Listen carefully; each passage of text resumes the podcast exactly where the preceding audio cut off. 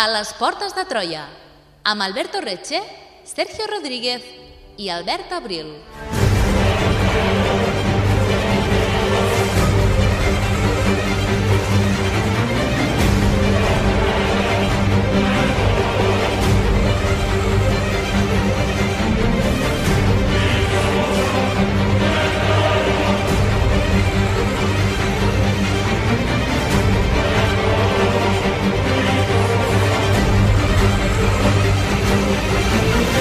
Segles de l'edat moderna són ben coneguts per les expedicions geogràfiques, el colonialisme, les primeres guerres gairebé globals. Però moltes vegades ens oblidem, i no només l'edat moderna, del que passava fora d'Europa o més enllà dels marges de la cultura occidental. Mentre Castella conquereix Amèrica, les Províncies Unides es revolten contra la monarquia hispànica i la reforma protestant s'estén per Europa. El nom d'un regne, fins llavors gairebé desconegut, comença a ressonar en la política internacional. El regne del Congo. Avui, a les portes de Troia, parlem sobre aquest principat africà. El descriurem i, sobretot, estudiarem la seva història entre els segles XV i XVII. Benvinguts a la desembocadura del riu Congo. Benvinguts a les portes de Troia.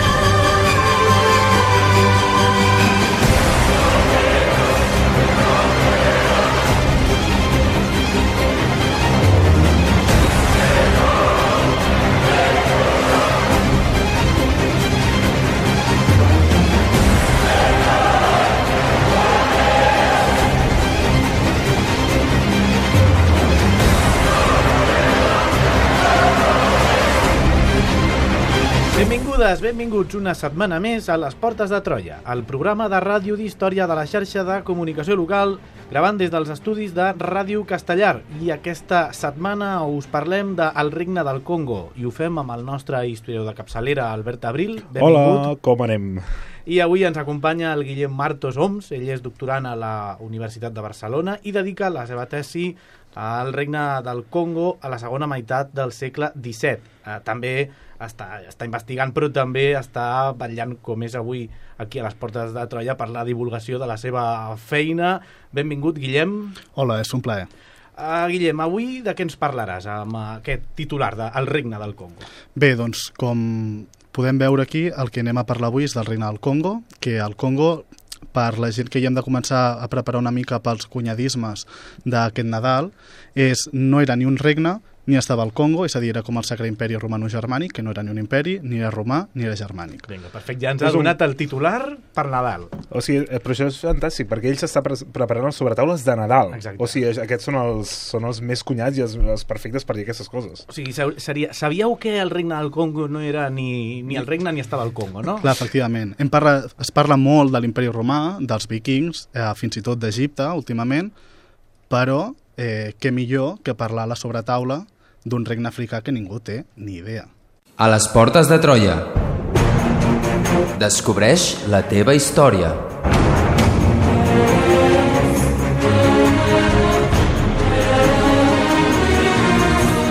Troba'ns a facebook.com barra Portes de Troia i a Twitter arroba Portes de Troia.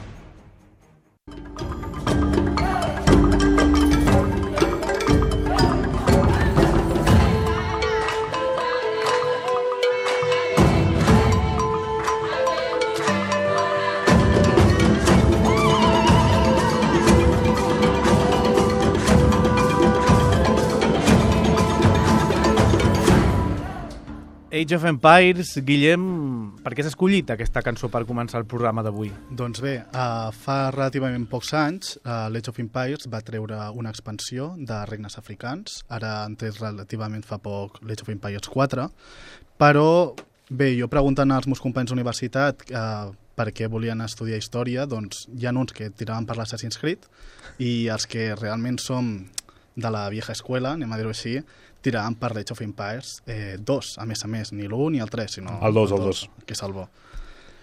I Um, que ens acompanyi, no?, aquesta cançó, clar que sí, moltíssima gent es veu reconeguda en aquestes paraules del, del Guillem.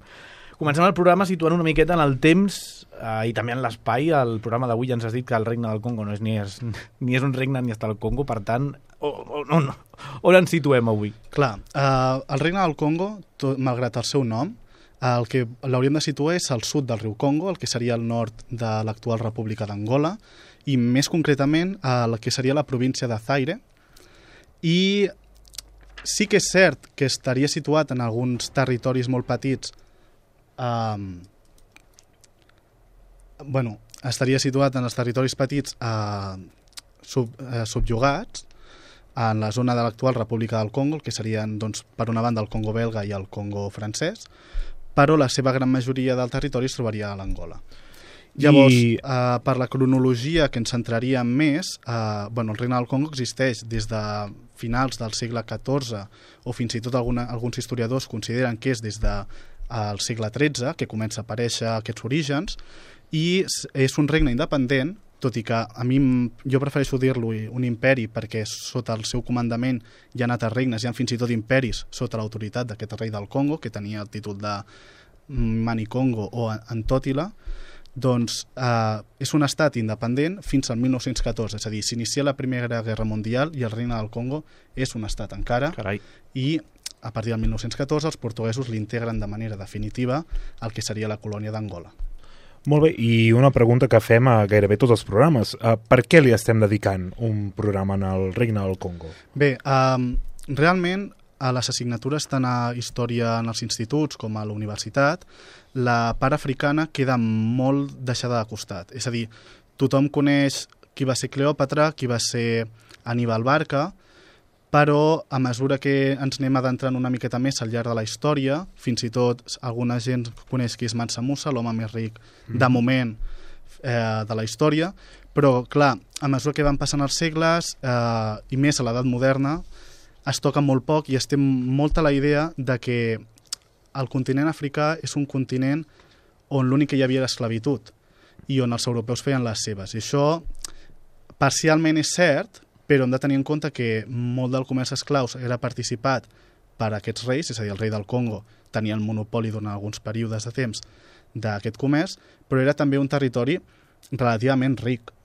Òbviament, no en els estàndards actuals, però sí en els estàndards, per exemple, del segle XVI-XVII.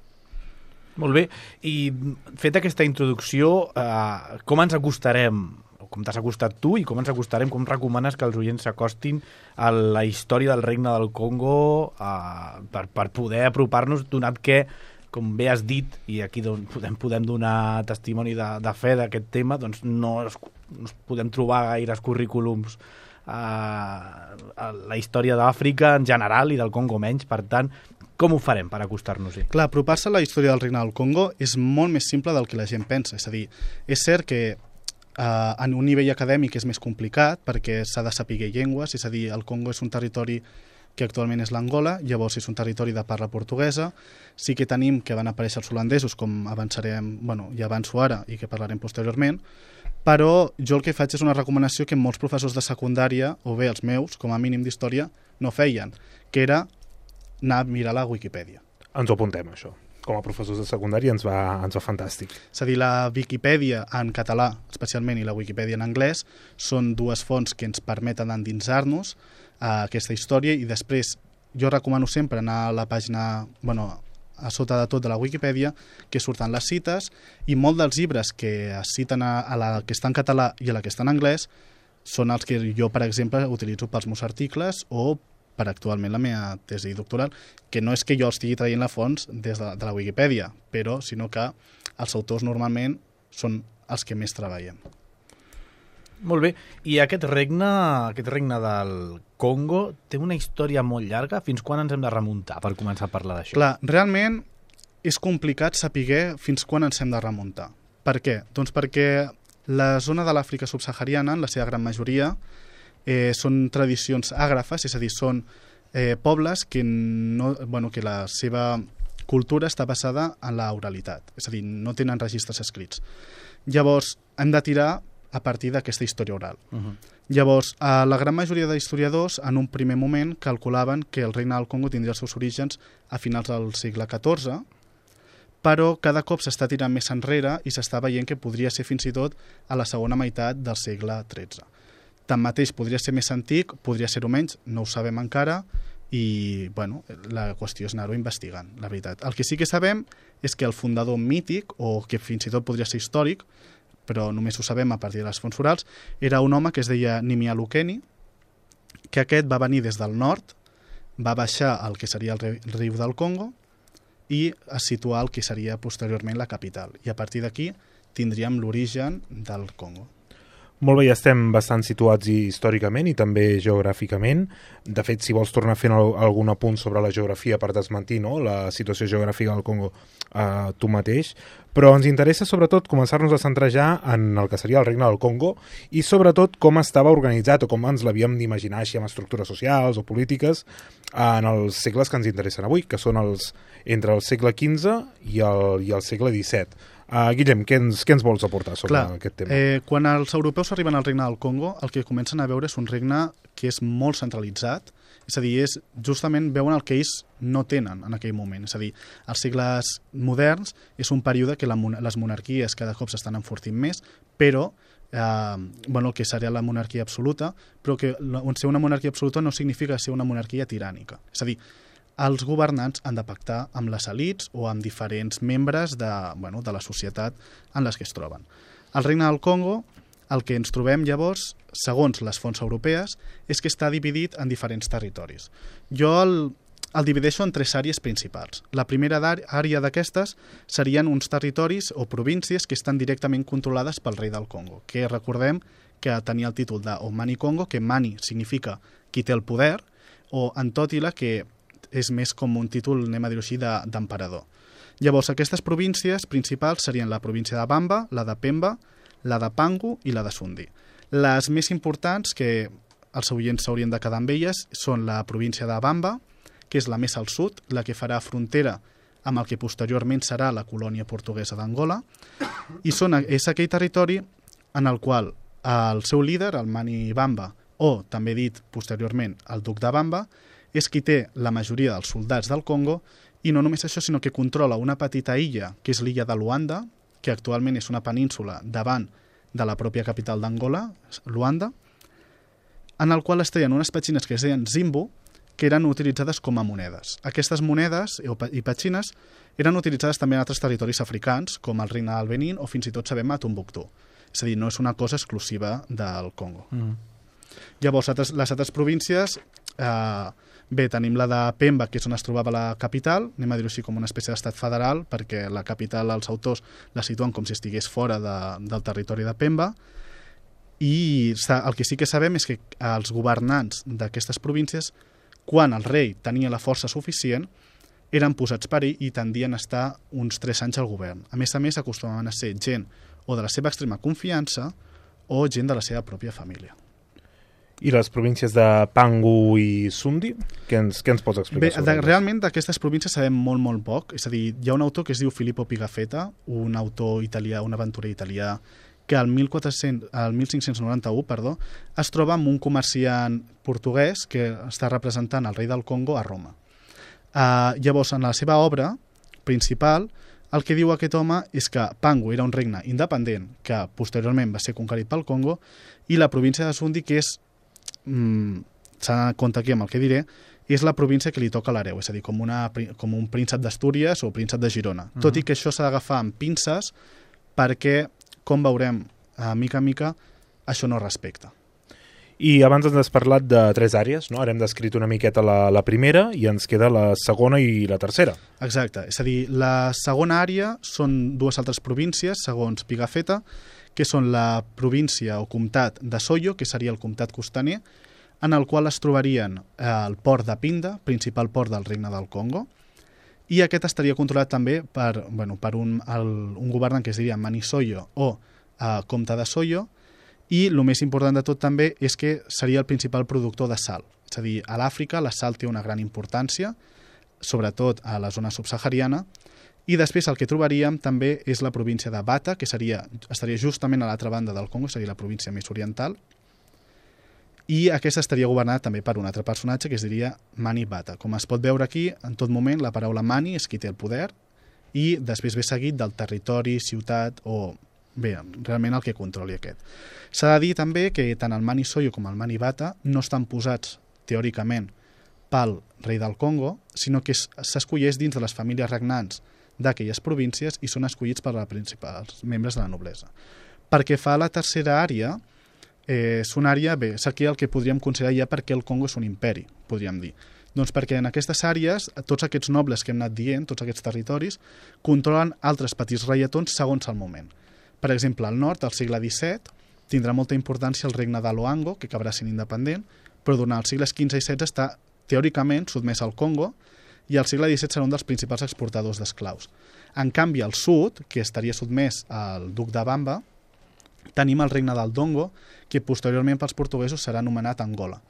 I, per exemple, i aquest sí que és molt interessant, el que sota el govern del duc de Bata, el que hi és els set regnes de Congo d'Ianlassa, que serien els orígens mateixos del regne del Congo i que era considerat un imperi. És a dir, que un duc està controlant a un emperador i alhora un rei només, des de la nostra mentalitat europea, està controlant un duc que alhora està controlant un emperador.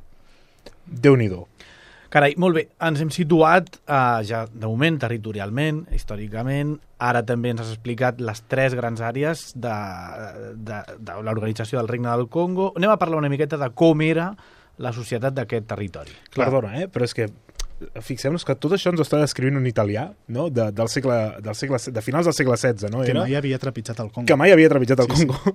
Vull dir que fix, fixem-nos també lo, lo interessant no? I, la, i la fascinació perquè uh, totes les grans coses que ens explica aquest personatge uh, inclús es, es poden vincular amb els grans diaris d'exploracions d'altres personatges. No? Tenim Marco Polo, també un italià que s'inventa moltíssimes coses però que escriu llibres meravellosos. No?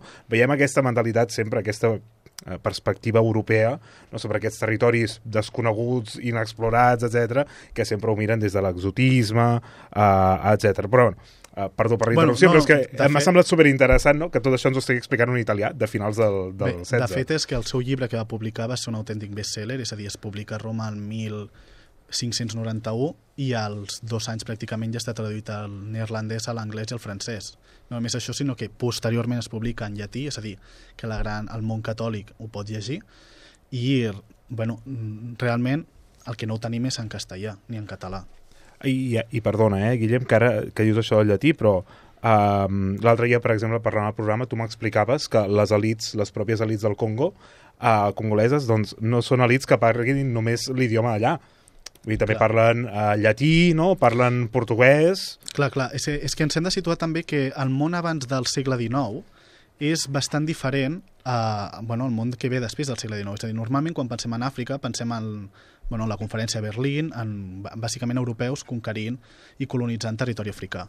Què passa? Que als segles moderns les potències europees, en aquells moments, sigui la monarquia hispànica, sigui Portugal, fins i tot quan estan juntes, o també Anglaterra o França, no tenen la força suficient per poder-se imposar davant d'aquests territoris i reis africans. Llavors, què han de fer? Doncs pacten, negocien, comercien.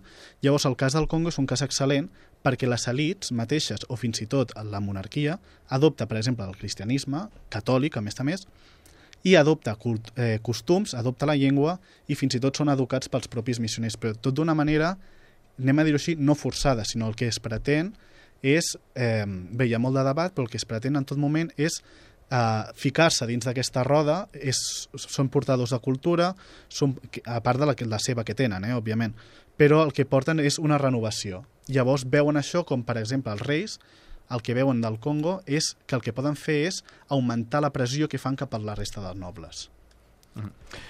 Molt bé, doncs reprenem com estàvem ara ja endinsant-nos més aviat en parlar de com era la gent d'allà, com era la societat de, del Regne del Congo. Clar, la societat del Regne del Congo és bastant diferent, entre cometes, a la nostra actual. Què vull dir amb això? És a dir, um, nosaltres som... Bé, sento si algun antropòleg ens escolta, perquè ara mateix doncs, segurament ens, em criticarà bastant, Tapeu-vos les oïdes als antropòlegs. però el, bé, el Regne del Congo eh, s'ha establert que seguint una línia familiar matrilineal. Què significa això? Eren feministes? No, no eren feministes. És a dir, el que eren és, vosaltres us heu d'imaginar a la vostra família i us imagineu el vostre pare. Doncs bé, el vostre pare no compta per res en aquesta família. És a dir, us heu d'imaginar el germà de la vostra mare, i aquest seria el pater familias, és a dir, el líder de la família, i si tu ets el més gran, anem a dir-ho així, l'hereu, tot i que en el Congo tenim constatat de que no existia aquesta figura de l'hereu, series el seu descendent directe. És a dir, el teu descend... eh, a tu qui et donaria l'herència no seria el teu pare, sinó que seria el teu tiet. És cert, però, que amb l'arribada dels europeus, cada cop la figura de l'hereu es comença a instaurar cada cop més. Trobem fins i tot famílies congoleses nobles eh, que adopten cognoms portuguesos i es van succeint entre ells. Per exemple, els comtes de Soyo s'acaben dient de cognom de Silva. Llavors és la dinastia de Silva, que tot i que són d'una banda matrilineals, es van succeint també entre pares i fills, o fins i tot alguns reis del Congo i ficaran els seus propis fills allà. És a dir, no s'ha d'agafar amb pinces això que són matrilineals, perquè en els períodes que nosaltres treballem, doncs tot això està en constant conflicte. eh, molt important matisar no? que no confondre una civilització, una cultura matrilineal amb un matriarcat. No? Vull dir, com està explicant molt bé en Guillem, eh, això significa que el, el, la família de la mare no? eh, té molt més pes que la, la família del pare. No vol dir que els líders dels clans o les famílies siguin, siguin dones, no? sobretot important matisar això. Um, ara que hem parlat una miqueta de la societat, molt breument, perquè el que ens interessa no és fer una descripció tan antropològica, en... què et sembla si passem a parlar una miqueta sobre com funcionava la, la monarquia congolesa? Clar, novament tenim un problema que no, no podem establir uh, un sistema clar. És a dir, als historiadors ens agrada molt perioditzar i dir, doncs això sempre era així. Doncs realment no era cert. És a dir, en un principi consider podem considerar que el regne del Congo era una monarquia electiva, tenia un conjunt d'electors, per exemple, el duc de Bata era un d'ells, o el, el comte de Soyo en el segle XVII també acaba sent d'ell, o fins i tot els caputxins al segle XVII, és a dir, una ordre religiosa, alguns d'ells castellans barra espanyols, com preferiu, i fins uh, altres italians, el que intentaven, eh, escollien el seu propi, bueno, el, el que anava a ser el rei. Tanmateix, és cert que electiva també era relatiu, perquè ja he dit abans que hi havia reis que intentaven imposar els seus fills, o alhora fins i tot tenim algun cas d'un pretendent que es presenta amb l'exèrcit davant de la capital i diu, pues jo ara sóc el rei, tots m'ho accepteu, i si no, pues us quedeu sense cap. Bueno, això és, és molt electiu, això. Mm. Això dels caputxins, què? Més endavant direm alguna cosa, perquè ho has deixat anar. Sí, sí, com veureu, el tema dels caputxins té molta tirada i tot i que podem pensar que són religiosos, que la religió és una mica avorrida, eh, hem de tenir en compte que l'edat moderna els religiosos són subjectes polítics, és gent que té la cultura, que té els coneixements, llavors veureu, bueno, no us avorriran.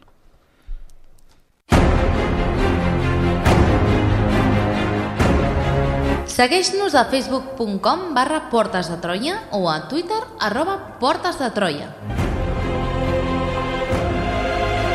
Descarrega't el podcast des d'iBooks o iTunes.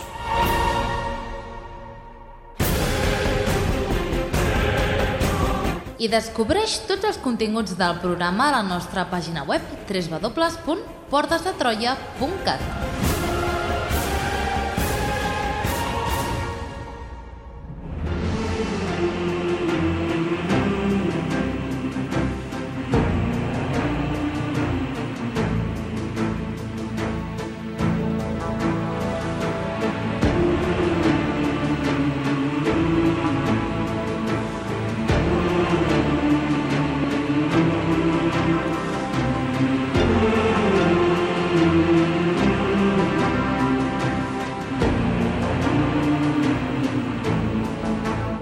posem aquesta cançó a les portes de Troia, a en Sergio se li posa una mirada pura i brillant.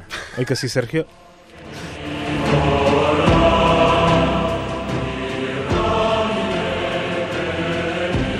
que és un clàssic, eh, sabem que és un clàssic a les portes de Troia i que aquesta cançó porta sonant molts anys aquí, molt abans de que jo arribés. No, les llàgrimes, Sergio, sisplau.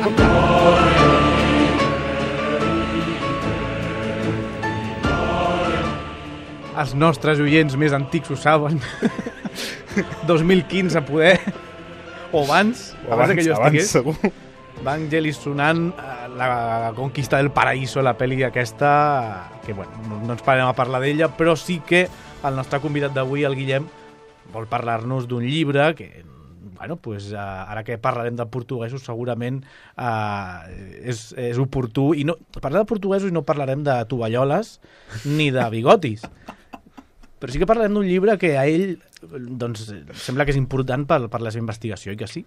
Clar, bueno, jo com, bueno, com molta gent, no n'he après amb... Bueno, jo per estudiar el Regne del Congo vaig haver d'aprendre portuguès, però no va ser perquè jo primer volgués estudiar el Congo que aprengués portuguès, sinó justament al revés, és a dir, a partir de l'estudi d'aquesta llengua doncs vaig conèixer el Regne del Congo.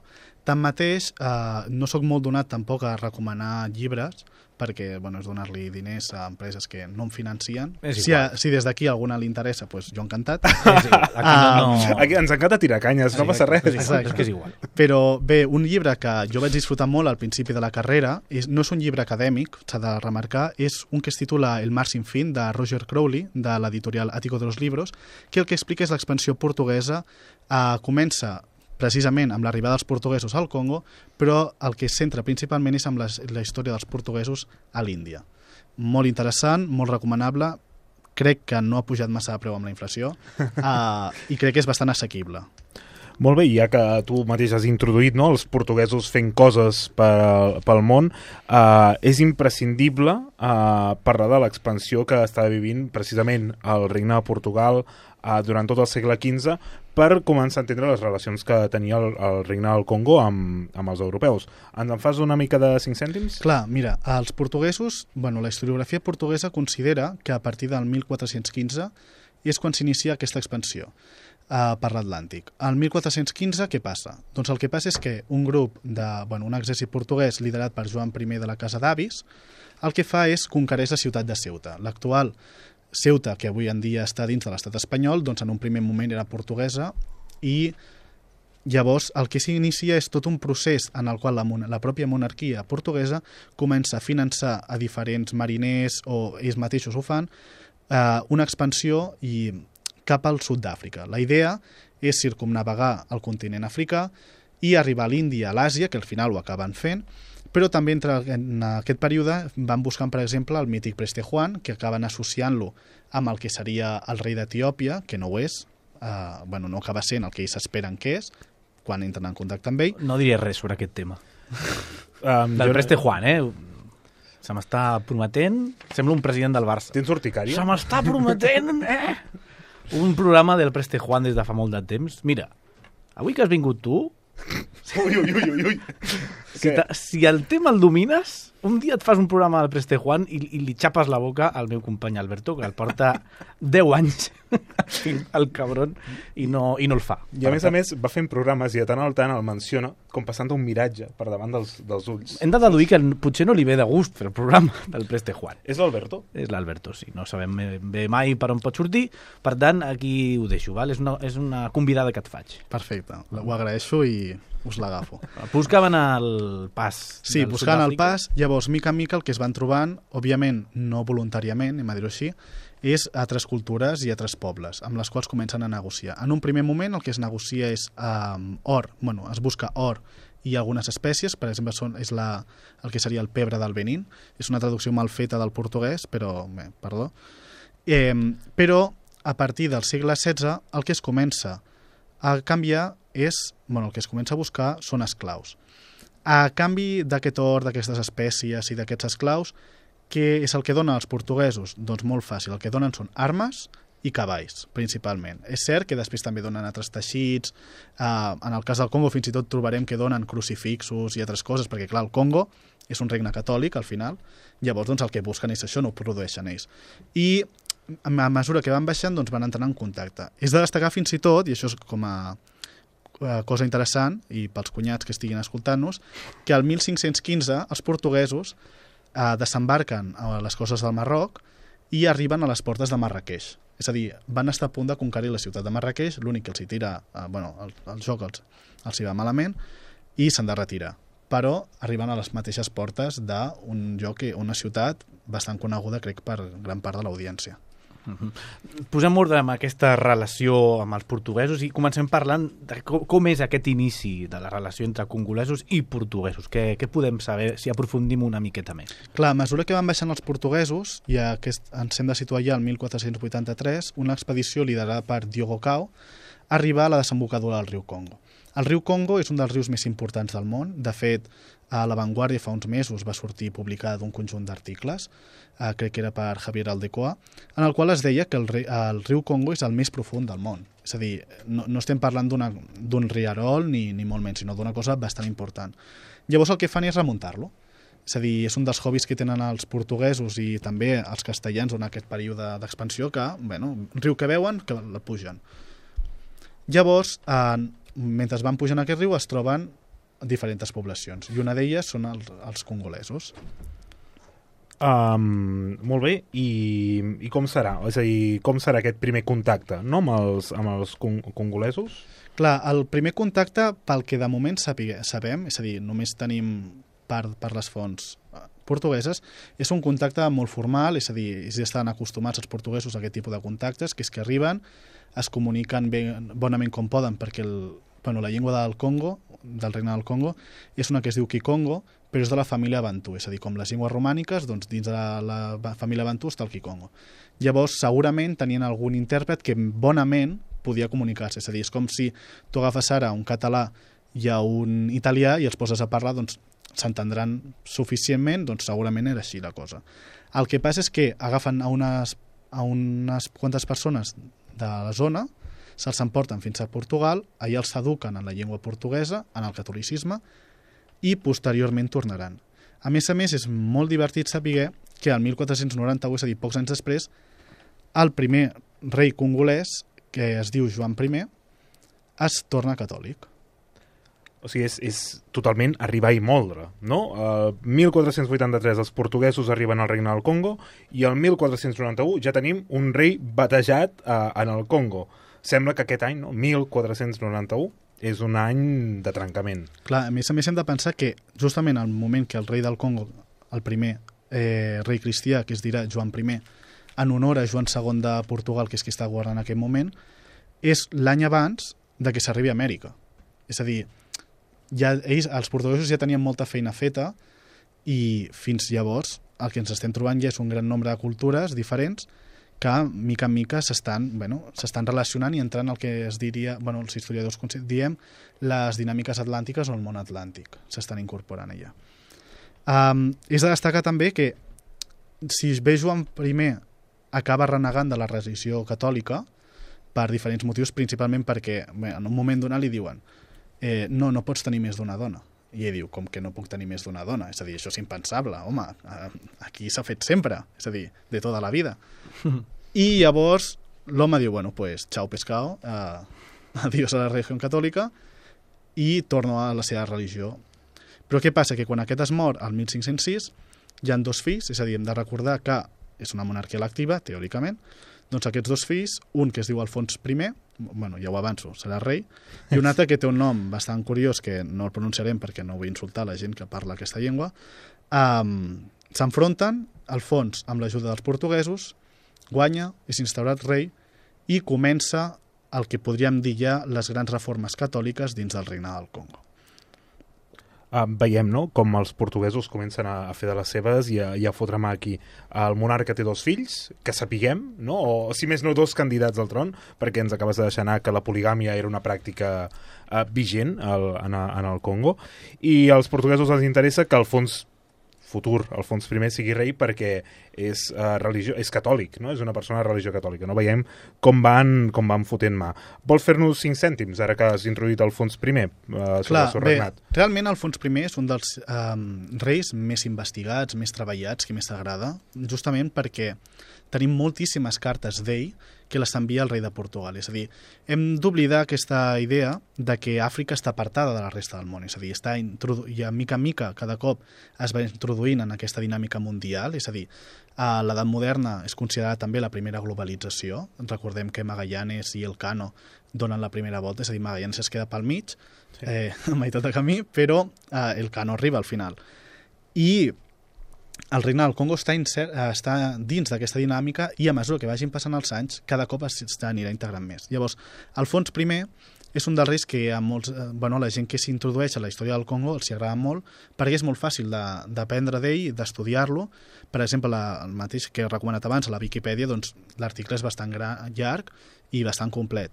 I no només això, sinó que sabem que d'aquí un temps, relativament poc suposo, un dels principals autors de, que treballa al Regne del Congo, que diu John Thornton, traurà una biografia sobre ell. És a dir, que, tot, que és una persona que, si bé ara potser costa una miqueta més estudiar-la, cada cop s'està fent més fàcil. I a més a més, um, és un personatge que queda molt associat amb la figura aquesta de rei missioner, no? Aquesta idea d'anar dilatant els territoris cristians, d'anar portant el cristianisme en territoris perifèrics del seu regne... Um, no sé si vols comentar alguna Sí. sí. coseta de la seva política Sí, religiosa. sí, perfectament. Bueno, abans havíem parlat del Preste Juan, eh, i el Preste Juan el que passa amb els portuguesos és que, clar, van buscant algú amb el que els pugui ajudar. És a dir, hi ha la idea de que en algun moment donat podran acabar amb l'islam.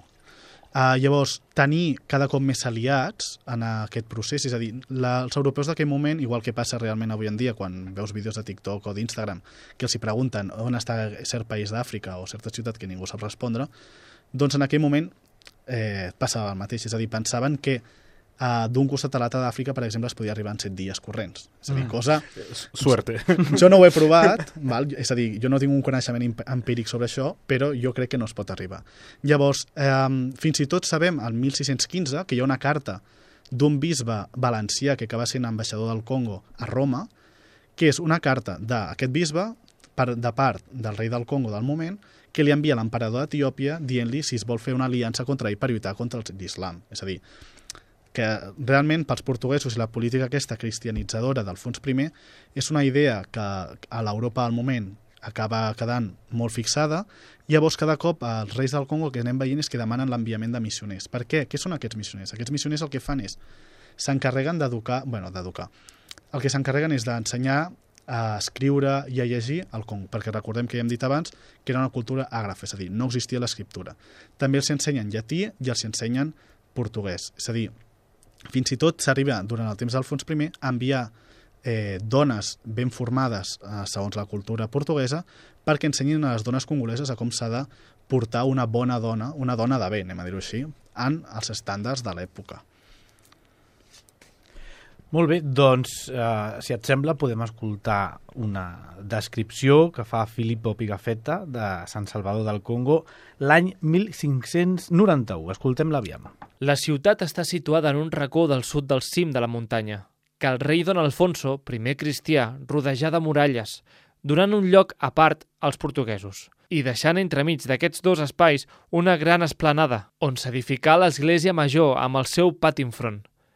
I les portes, tant de les cases com dels habitatges portuguesos, donen al costat de la dita església, i al començament de l'esplanada viuen els principals del regne, grans homes de la cort i darrere de l'església el pati acaba en un carrer estret que té una porta, passant la qual hi ha moltes cases al costat de llevant. Fora d'aquestes muralles, que contenen els palaus reials i la ciutat dels portuguesos, moltes altres cases són allotjades per senyors diferents, cadascun prenent a l'atzar el lloc que li sembla correcte, per residir al costat de la cort, de tal manera que no es pot determinar l'extensió d'aquesta ciutat més enllà de dos circuits de muralles. Tens alguna cosa a dir d'aquest text que acabem de- d'escoltar, de, Guillem? Sí, la veritat és que tenim molt poca documentació sobre com era la capital del Congo, que antigament es deia Bansa Congo i actualment també, perquè amb la independència d'Angola se li va canviar el nom, però durant el període de presència portuguesa i de contacte, eh, aquesta, bueno, aquesta ciutat canvia el nom per Sant Salvador,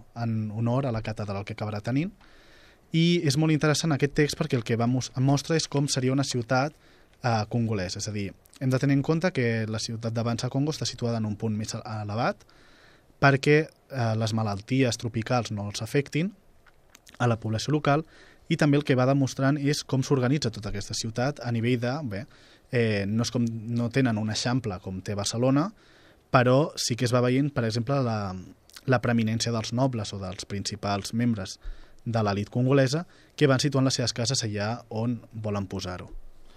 I abans ens estaves comentant, i jo penso que en, aquesta, en aquest text també es pot arribar a veure reflectit, um, quins altres impactes tindrà també uh, l'arribada dels portuguesos, o si vols dels, dels europeus també en el, en el Congo, per anar una miqueta més enllà.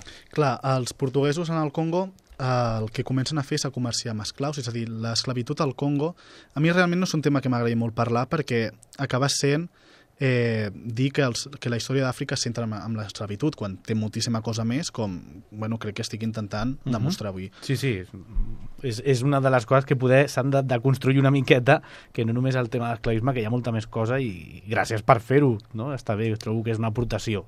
Llavors, és cert que l'esclavitud al Congo existia, és a dir, per exemple, certs delictes que es feien, doncs la pena era l'esclavitud, però els portuguesos sí que el que fan és, doncs ho posen tot a lo grande, anem a dir-ho així. Comença a ser l'exportació eh, al comerç transatlàntic d'esclaus. També el que veiem és que alguns congolesos, fins i tot fills de nobles, són enviats a Lisboa a estudiar. I, per exemple, el mencionat abans, Alfons I, envia un dels seus fills, Enric, a estudiar a Lisboa. Uh, I, a més a més, serà el primer bisbe negre. Després, a més a més, tornant amb l'esclavitud, clar, eh, no hem de només tenir en compte que són els portuguesos els que participen, és a dir, els mateixos africans i en, especialment, en aquest cas, els congolesos, hi participen. Per exemple, sabem que a la segona meitat del segle XVI el rei del Congo tenia una guàrdia personal de soldats esclaus d'entre 6.000 i 10.000 soldats, és a dir, no és poca cosa uh -huh. i si posteriorment el que ja anirem veient també és que la noblesa acaba adoptant també aquests esclaus com el servei domèstic de, bé, de qualsevol casa. Uh -huh. I els, digues, bueno, els portuguesos faran negoci amb tot això, s'aprofitaran d'aquesta situació, no? Sí, els, els portuguesos comencen a fer negoci, el que passa és que el, bueno, el negoci de l'esclavisme és un monopoli reial. I com a monopoli reial que és, el que comença a fer és, eh, bueno, es comença a buscar una manera d'abaratir els costos. I on ho troben això? Doncs ho troben al sud. No només això, sinó que algun cop fins i tot intenten matar el propi Alfons I o alguns fins i tot dels seus descendents per intentar que aquests esclaus siguin o bé més barats o crear una situació eh, d'inestabilitat política per poder fer ells el que vulguin. Molt bé, un punt d'inflexió ja serà l'any 1568. Per què és aquest any important? I uh, penso que aquí sortirà per primera vegada la paraula dels Jaga. Sí, el 1568 és a la culminació d'un període d'inestabilitat política que s'inicia ja al 1561, on es succeeixen diferents reis, és a dir, germans es maten entre ells, apareix també un tiet, bueno, apareix un munt de candidats que es van matant entre ells o són morts per diferents atacs. Llavors, justament, al 1568 apareix un nou rei que es diu Álvaro I, que és net d'Alfons I. Álvaro I, a sent al tro, és un nen d'uns 17-20 anys, sento dir això perquè jo tinc 24, llavors, pues, tampoc. És a dir, per mi no és un nen. Que, però... que jove. Eh, Calla. Llavors, el que fan, eh, bé, es sent al tro i d'una manera sense... Bé, se, suposadament, aquell mateix any, un grup de persones caníbals d'Orient ataca i fa derrota a l'exèrcit congolès, fa que el Albert I hagi d'abandonar el Congo i es refugi a una illa del riu Congo. I són uns moments molt, ten molt tensos. De fet, no sé si els oients eh, han, han pres la magnitud no? d'aquestes poques línies de tots els merders que ja estaven per allà al mig. Uh, Álvaro aconsegueix definitivament pacificar una miqueta el regne o, aconseguir algun suport extern per aconseguir-ho? Clar, Álvaro es passa uns dos anys en aquella illa, ha de vendre fins i tot a, com a esclaus a gent del seu propi servei o fins i tot a familiars. És a dir, sabem que pocs anys després a Sao Tomé, illa portuguesa, hi ha una revolta d'aquesta gent que ha estat esclavitzada. Vull dir, imagineu-vos el percal que els estem ficant. Però sí que sabem que el 1670 arriba el governador de Sao Tomé i amb un exèrcit, amb una expedició, fa fora aquests suposats invasors. Realment no sabem si aquests invasors eren realment invasors o eren rebels, eh, però, eh, bé, com passa molt sovint, a la història no tot són certeses. Llavors existeix un debat des dels anys 60-70 que és molt interessant de llegir. Aviam, això de suposadament, explica'ns uh, una, amb una miqueta més d'atenció això de alguns que suposadament van atacar el Congo, per què i uh, si pots aprofundir una miqueta més en tot Clar, això. El fet de que el Congo tinguem poques fonts escrites, la majoria són portugueses, ja dificulta el fet de fer la, d'escriure la història del Congo. A més a més, als anys 60-70 del segle passat s'inicia tot un debat en qui podrien haver estat aquests Jaga. Hi havia alguns autors que deien que tot era un invent, que no van existir mai, Uh, altres deien que havia estat una invasió externa, mentre que altres deien que havia estat una revolta interna per la pressió per l'esclavisme o fins i tot per, donat aquesta inestabilitat política, doncs que algun gran noble hagués alçat les seves hosts i s'hagués dirigit cap a allà. I, i quina, ja per, per avançar una miqueta, quina és la teva opinió, no? Ja que tenim un expert Clar. aquí sobre el regne del Congo, tu què en penses de tot això? Jo vaig dedicar el meu treball de final de grau, que si algú li interessa està penjat a internet, es diu Els invasors silenciosos, o si busqueu el meu nom, doncs és accessible, totalment gratis, i en català. Um, llavors, jo realment la meva conclusió ara per ara és que és una discussió bizantina, és a dir, és una discussió que no porta a cap lloc, bàsicament perquè ens falten moltíssimes dades, però bé, uh, és un debat que segueix eh, existint, perquè jo justament vaig acabar el meu TFG, dos o mesos després l'autor que abans he comentat va publicar un article sobre això, Vull dir, no, no sobre el meu TFG, però agafant la documentació que jo havia utilitzat perquè des de l'any 2000 doncs, no seguia escrivint sobre el tema. I segueix igual, vull dir, no se sap. Molt bé, tornem al regne del Congo. Ens havíem quedat quan el rei Álvaro I demana ajuda als portuguesos i tot seguit apareixen els Jaga. Com hem de continuar aquesta història ja quan ens queden 10 minuts de programa i encara ens queden tocar uns quants temes? Clar, quan arriben els portuguesos, en pocs anys fan fora els Jaga, i tot sembla indicar que, com a agraïment per aquest ajut, els hi permeten, insta permeten als portuguesos instal·lar-se per primera vegada en un assentament propi. És a dir, fins a aquell moment els portuguesos havien viscut, per exemple, al port de Pinda o a la capital, a Sant Salvador, però no era territori seu exactament, sinó que era territori administrat pel, regne, bueno, pel rei del Congo i estaven sota el seu domini. Què passa? Al 1575, una expedició eh, capitanejada per Paulo Díaz de Novaes arriba a l'illa de Luanda i l'any següent crea el primer assentament portuguès a la regió, que serà São Paulo de Luanda, eh, que acabarà sent l'actual capital d'Angola. Llavors, a partir d'aquest moment, ja no tenim els portuguesos com a simples comerciants, sinó que ja els tenim fins i tot com a mercenaris que comencen a lluitar a favor d'altres reietons locals i que comencen la seva pròpia expansió. I aquesta pròpia expansió el que començarà a comportar són problemes amb el propi regne del Congo.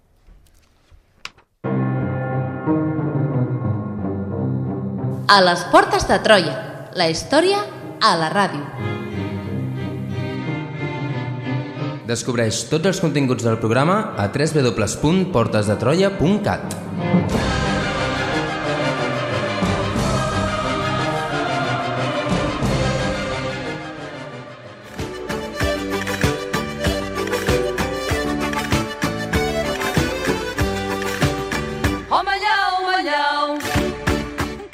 Home, llau, home, llau.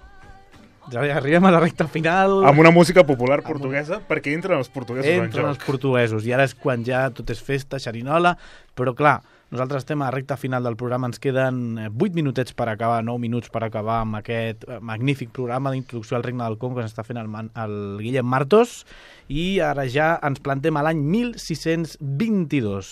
Per què és important aquest any? Què passa a partir d'ara? Clar, el 1622 és l'any que l'aliança entre portuguesos i congolesos es trenca. És a dir, fins a aquell moment les relacions havien anat fluctuant, però sempre hi havia hagut una relació doncs, d'aquesta aliança. És a dir, si hi ha una revolta al Congo, els portuguesos agafen les armes i es posen al servei del rei i eh, bueno, acaben amb aquests rebels o el que sigui. Que poc colonial per part seva. Efectivament. Llavors, a partir del 1622 arriba un nou rei al Congo, és a dir, arriba Pere II, que és familiar també d'Alfons I, però d'una altra branca totalment diferent a la que era Álvaro I. I què passa? Doncs que aquest nou rei no és de l'agrat dels portuguesos. I a més a més diuen que, com ells els havien ajudat amb la guerra dels Jaga, ells tenen dret a posar el seu el rei del Congo. Hem de recordar que el Congo és un regne independent, és a dir, no depèn dels portuguesos en cap moment. Però els portuguesos en aquest moment es senten forts i el que com- comencen a fer és a preparar una invasió. Aquesta invasió acaba, eh, bueno, comença realment amb la batalla de Bumbi, el 1622, on 20.000 soldats del bàndol portuguès, és a dir, nobles locals al voltant de Luanda i els propis portuguesos, que no passarien dels 200-300, ataquen el germà de Pere II, que té unes forces de 3.000 soldats. Llavors, jo no sóc de... És a dir, jo sóc de lletres, no sóc de números, però la victòria és bastant clara eh, que acaben guanyant els portuguesos. Què passa, però? Eh, estem en un moment molt complicat per la monarquia hispànica. Hem de recordar que des de 1580-81, depenent de quan vulgueu contar-ho, eh, els, eh, la, monar eh, la monarquia hispànica s'anexa a Portugal, llavors els portuguesos tenen com a rei en aquell moment el mateix que té Castella o que té Catalunya. Llavors, hi ha un actor que són els holandesos que estan en guerres amb ell. Llavors, Pere II envia una carta als portuguesos que en aquells moments estan a Bahia i els diu necessito la vostra ajuda per acabar amb aquests portuguesos. Uh, per tant, veiem com de cop, uh, quan s'envia aquesta carta als holandesos, uh, de cop el, el conflicte es torna internacional gairebé. I entren en la política, no? A la Guerra dels 30 anys, no sé què, sí, sí, sí. És, és fantàstic, això. Clar, exacte. Um, és molt interessant perquè en tot, en tot moment el que es va demostrant és que el Congo no és un territori marginal, sinó que és un territori que està integrat dins de la que seria la dinàmica aquesta mundial que s'està donant, atlàntica, a més a més. Llavors, um, l'atac holandès es produeix el 1624 i contra Luanda i és un autèntic fracàs. Què passa, però? Al mateix any que es produeix l'atac, Pere II s'ha mort i l'ha succeït el seu fill, que es diu Garcia I. Aquest mm, jove d'uns 17-20 anys, també, eh, clar, necessita pau per poder governar. Llavors, què fa? Eh, ha aprofitat la victòria que va tenir el seu pare després de la batalla de Bumbi i el que aconsegueix és, d'una banda, amb una aliança amb els jesuïtes, que es portaven en aquells moments malament amb el governador d'Angola, doncs el que aconsegueix és, d'una banda, eh, forçar que el governador d'Angola vagi encadenat a Portugal per ordre del rei i alhora signar una pau que per ells és bastant, eh, bé, bastant prometedora. D'una banda es recuperen tots aquells territoris que els portuguesos, a mesura que anaven pujant cap al Congo, anaven conquerint, i alhora també el que s'aconsegueix és aquesta pau tan desitjada i una certa estabilitat i hi ha un petit problema, no? que el 1626 Garcia I és deposat un altre cop. Clar, uh, entre 1622 i 1641 s'inicia tot un període d'inestabilitat política on més de nou reis es succeeixen. Hem de tenir en compte que si més o menys el 1621 Felip IV puja al, al govern de la monarquia hispànica doncs, i es mor al 65, doncs durant aquest any al Congo succeeixen més o menys uns 11 reis perquè veieu la, més o menys la inestabilitat que hi ha. Llavors, si al 1626 mor Garcia, diferents nobles comencen a agafar cada cop més força, com per exemple és Manuel Jordau, i imposa a un besnet d'Àlvaro I, que es diu Ambrosi. Ambrosi, realment, eh, tots aquests reietons no tenen molta més importància, que el que anà demostrant és que, per exemple, aquest eh, mor i el succeeix el seu germà que només té 17 anys. És a dir, totes són reis molt joves, posats per nobles que teòricament només podien estar 3 anys en el govern, però que els van fent fora. I en tot, i en tot aquest context no? uh, d'inestabilitat comencem a veure els primers passos d'un personatge que esdevindrà un autèntic mal de cap pels portuguesos. I d'aquí en Guillem segurament ens parlarà en un futur programa uh, i ens apareix un personatge anomenat uh, Garcia Encanga. Sí, García Encanga és també un membre d'aquestes branques de la descendents del Font, que en un moment donat, quan Álvaro IV, germà d'Ambrosi, està a les portes de ser derrocat, apareix ell i el seu germà, que també, valgame la redundància, es diu Álvaro, Fantàstic. Eh, i amb les seves tropes acaben amb un d'aquests principals nobles, que es diu Daniel da Silva, que era el, el governador de Bamba, és a dir, qui tenia el principal exèrcit. No només això, sinó que Garcia decapita aquest home i com a premi nomenen a Garcia marquès de Quioba, que és un territori al nord de la província de Soyo, i el seu germà gran, Álvaro, el nomenen marquès de Bamba, duc de Bamba, perdó. I a més, Álvaro és aquí que a Madrid. Efectivament. Val. Uh, clar, tot això marca una situació perfecta perquè hi hagi una aparició molt èpica d'aquest personatge, oi? Clar, efectivament, és a dir, és una persona que realment tenim molt poca informació d'ell, però eh, que acabarà sent un personatge fonamental per la història del Congo en els anys posteriors. Uh -huh. I ens podries explicar una miqueta més per què, per donar peu a un possible programa on vinguis a parlar d'aquest personatge? Clar, a Garcia II el que acabarà fent és governar 20 anys, és a dir, després de la mort del seu germà, el 1641, acabarà governant el regne del Congo durant 20 anys seguits. No només això, sinó que imposarà una nova dinastia i serà un autèntic mal de cap pels portuguesos, també pels holandesos, i intentarà fins i tot controlar la pròpia església congolesa pactant amb Roma.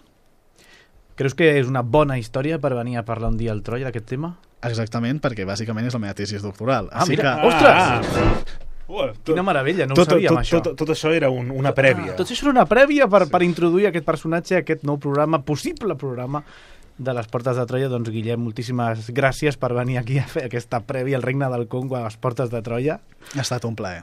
Albert Abril, moltíssimes gràcies. A vosaltres, moltes gràcies. L'Adrià Tirado al control tècnic, els àudios en Carlos Lecegui i qui us parla, Sergio Rodríguez. Nosaltres us esperem la pròxima setmana amb un nou episodi de les Portes de Troia.